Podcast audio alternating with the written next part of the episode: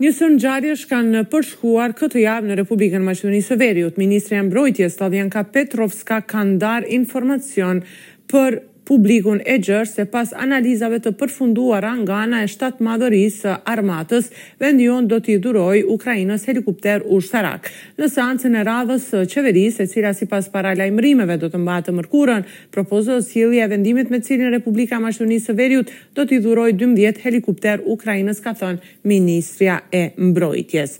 Ndërkaq, vazhdojnë pakënaqësitë në. grupin e të pakënaqurve të Bashkimit Demokratik për Integrim. Në mbledhjen e ardhshme të Kryesisë Qendrore do të kërkohet vazhdimi i debatit për llogaridhënien e ekzekutivit, ka thënë Blerim Bexheti, kryetar i Komunës së Sarajit, njëkohësisht nënkryetar i kësaj partie. Tonet mes dy grupeve janë ashpërsuar pas tubimit të fundit të partisë në Çair, ku Të pranishëm ishin mijra qytetarë që prisnin liderin Ali Ahmeti, e ku pati edhe kërcënime të quajtura mos i dilni trenit apo uraganit përpara sepse ju shkel. Këto kërcënime, nënkryetari i partisë Izet Mexhiti i tha se Ali Ahmeti asnjëherë nuk i ka bërë të tilla as kundër kundërshtarëve të përbetuar politikë. Andaj është fare e pashpjegueshme sipas tij kjo situatë e krijuar dhe kërkon që të reflektohet sa më parë. Për më tepër do të ndjekim deklaratën e kryetarit të Komunës së Sarajit, nënkryetarit të partisë, Blerim Bexheti, rreth asaj se çfarë do të kërkojë grupi i të pakënaqurve apo grupi i zjarrit në mbledhjen e radhës që Bashkimi Demokratik për Integrim, e thërret me kërkesë të kryetarit për të biseduar për frontin evropian. Ndjekim deklaratën. Te dy raportet duhet shqyrtohen dhe duhet vazhdohet me raportin për që ka të bëjë me llogaridhënien, që është transparencë, vlerë evropiane dhe besoj s'paku më së paku pres që të vazhdohet debatohet për ato çështje që realisht edhe krijojnë dallime mes ekzekutivit dhe një pjese të konsiderueshme të anëtarëve të Bashkimit Demokratik për Integrim dhe gjithsesi se për në çdo fillim të mbledhjes miratohet procesverbali i mbledhjes të kalume që është pjesë e atij procesverbali edhe edhe ky konstatim Dhe sigurisht se do të shqyrtohen edhe është e drejtë e çdo kujt që të propozon edhe pika tjera. Në anën tjetër, sa i përket ndryshimeve kushtetuese, VMRO-DPMNE pretendon se nëntë deputetë socialdemokratë nuk dëshirojnë t'i votojnë ndryshimet kushtetuese, kurse siç thonë një deputet i BDI-së kërkon para për të votuar. Kovaçevski, sikurse Grubi, duhet të thonë nëse deputetët e LSDM-së saktësisht, tre nga njësia e parë dhe e tretë zgjedhore, kanë thënë se nuk do t'i votojnë ndryshimet kushtetuese dhe nëse gjashtë deputetë tjerë kanë thënë se ndryshimet kushtetuese janë gjëja më e keqe që ka bërë qeveria. Gjithashtu Kovaçevski duhet të pyesë Grubin nëse një deputet i BDI-së ka kërkuar para për të votuar për ndryshimet kushtetuese, thonë nga VMRO-DPMNE. Por Kovaçevski thotë se VMRO-DPMNE rrin çdo ditë në ambasadat e huaja duke kërkuar pushtet, që pa asnjë kusht më pas t'i votojë ndryshimet kushtetuese. Për më tepër ndjekim deklaratën e tij. Do zaçlenuvanje vo Evropskata Unija, na nas ni prestoi reforma na pravosudniot.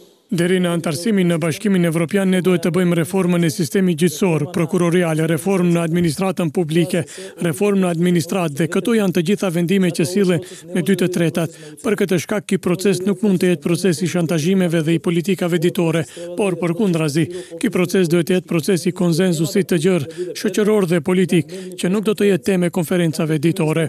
E për ta argumentuar atë që po e fliste sot në konferencë për media, ai përmendi edhe shembullin e shteteve të cilat para anëtarësimit në BE kanë pasur standard më të ulët se Maqedonia e Veriut. Koj e benefitot od zaçlenuvanje vo Evropskata Unija. Cili është benefiti nga anëtarësimi në Bashkimin Evropian? Ju mirë e dini se ku ishin Romania, Polonia, Çekia, Sllovakia, por edhe Bullgaria që ishin pjesë e Marrëveshjes së Varshavës. Ne në krahasimin me ta ishim disa herë shtet më i zhvilluar, si pjesë e Jugosllavisë. Vetëm për shkak të anëtarësimit të tyre në Bashkimin Evropian, standardi në këto shtete është rritur, Janë hapur shumë kompani. Secila kompani që regjistrohet në Bashkimin Evropian është pjesë e pazarit të përbashkët prej gjysmë miliard blerës. Këto ekonomi janë rritur aq shumë, sa që qytetarët tanë që tani duan të punojnë në Bashkimin Evropian, një numër i madh prej tyre punojnë në Sllovaki, Çeki dhe shtete tjera. Tashmë ka filluar edhe muaji i Ramazanit. Kryetari i Bashkësisë Fetare Islame, Reis Efendi Shaqir Fetai, me fillimin e muajit të Ramazanit ka uruar gjithë besimtarët e fesë islame duke uruar agjërim të lehtë dhe të pranuar. Gjithashtu edhe lideri Ali Ahmeti ka uruar të gjithë besimtarët e fesë muslimane duke thënë se ky muaj uron që të shtojë mirëkuptimin dhe besimin në mes njerëzve. Ramazani e rikthen bashkimin e familjes në vijën vertikale dhe atë horizontale, Ai i afron prindërit me fëmijët dhe i bën të ndjejnë afërsinë e njëri-tjetrit, sikurse edhe të shijojnë kënaqësinë e të qenurit bashkë, vlerësojnë qytetarët. E me datën njëzet e katër mars janë bërë plot dhjetë vite nga marrja e pushtetit në komunën e Kërçovës nga shqiptarët. Kjo komunë historike dhe kjo ngjarje historike është shënuar në Pallatin e Kulturës në Kërçovë, në prezencë të ministrave, zëvendëskryeministrit të parë Artan Grubit, kryetarit të Parlamentit Talat Xhaferit, liderit Ali Ahmeti, i cili është shprehur se për dhjetë vite punë qytetarët e vlerësojnë arritjen në këtë komunë dhe me këtë tempo duhet të vazhdohet përpara. Në këtë aktivitet, pos pasqyrimit të dhjetë viteve histori me këngë dhe valle unike dhe të përzgjedhura enkas për këtë eveniment, është prezantuar me sukses të jashtëzakonshëm Ansambli Nacional i Këngëve dhe Valleve Popullore Shqiptare nga Republika e Maqedonisë së Veriut dhe i ftuari special tenori Kastriot Tusha. Për Radion SBS raporton nga Republika e Maqedonisë së Veriut, Besiana Mehmedi.